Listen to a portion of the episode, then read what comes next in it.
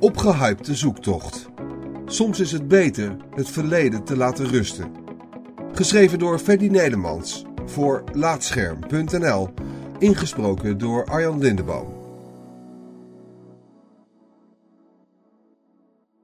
Toen ik klein was, pakte ik regelmatig mijn fietsje om naar de plaatselijke bibliotheek te gaan.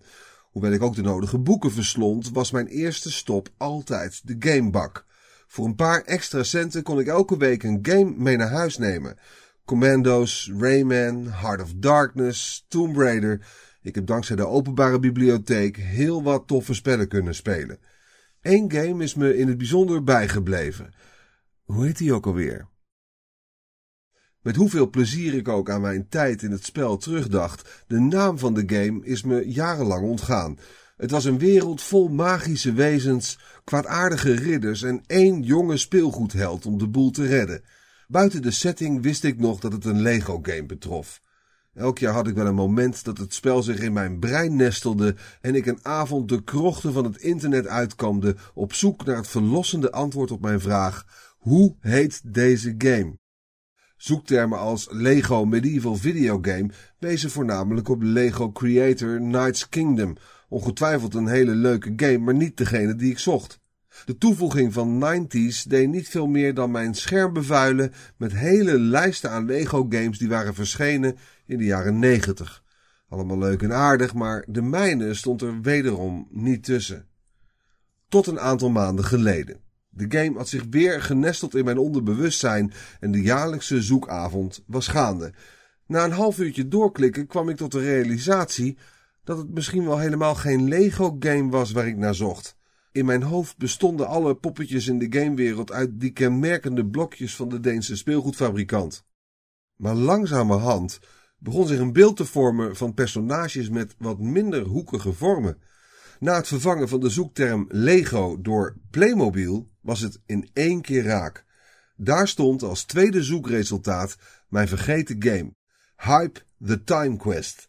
Een avonturengame uit 1999, gemaakt door Ubisoft Montreal en de eerste game waar Patrice Desilets aan heeft meegewerkt. Later vooral bekend geworden om Prince of Persia, The Sands of Time en als bedenker van de Assassin's Creed serie.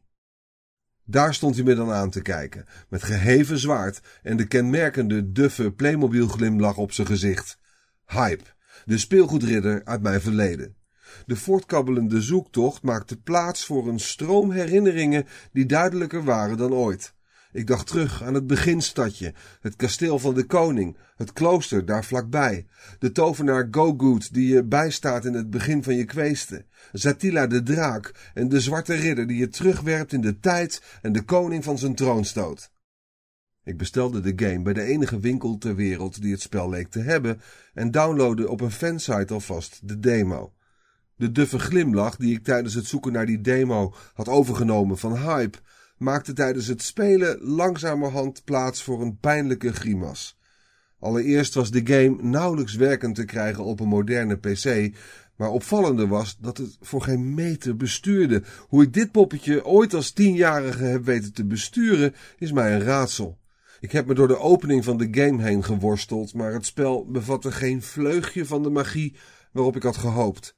Het in mijn geheugen o zo bruisende begindorpje bleek niets meer dan een verzameling levenloze huisjes. Al mijn fantastische herinneringen aan de game brokkelden langzaam maar zeker af. Ik kan het hype, de Time Quest, nauwelijks kwalijk nemen. Mijn brein had de game zo extreem opgehyped dat deze kweeste gedoemd was om te mislukken. Hoewel mijn jeugdherinneringen volledig vernacheld zijn, heb ik wel een wijze les geleerd. Laat de geschiedenis de geschiedenis en blijf weg van de games uit je jeugd. Denk eraan, koester de mooie herinneringen, maar probeer ze niet te herleven. Daar kwam ik die avond op pijnlijke wijze achter. De dag erna kreeg ik een e-mail van de webshop waar ik Hype the Time Quest had besteld. Mijn bestelling werd geannuleerd, want het spel was niet op voorraad.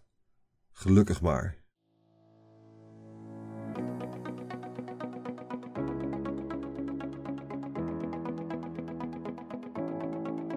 Dankjewel voor het luisteren naar deze aflevering van Laatscherm voorgelezen.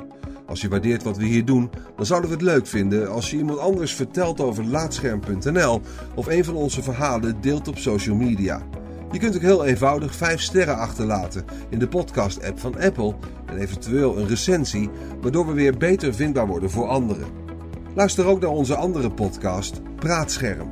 En ga voor meer verhalen, geschreven of gesproken, naar laatscherm.nl.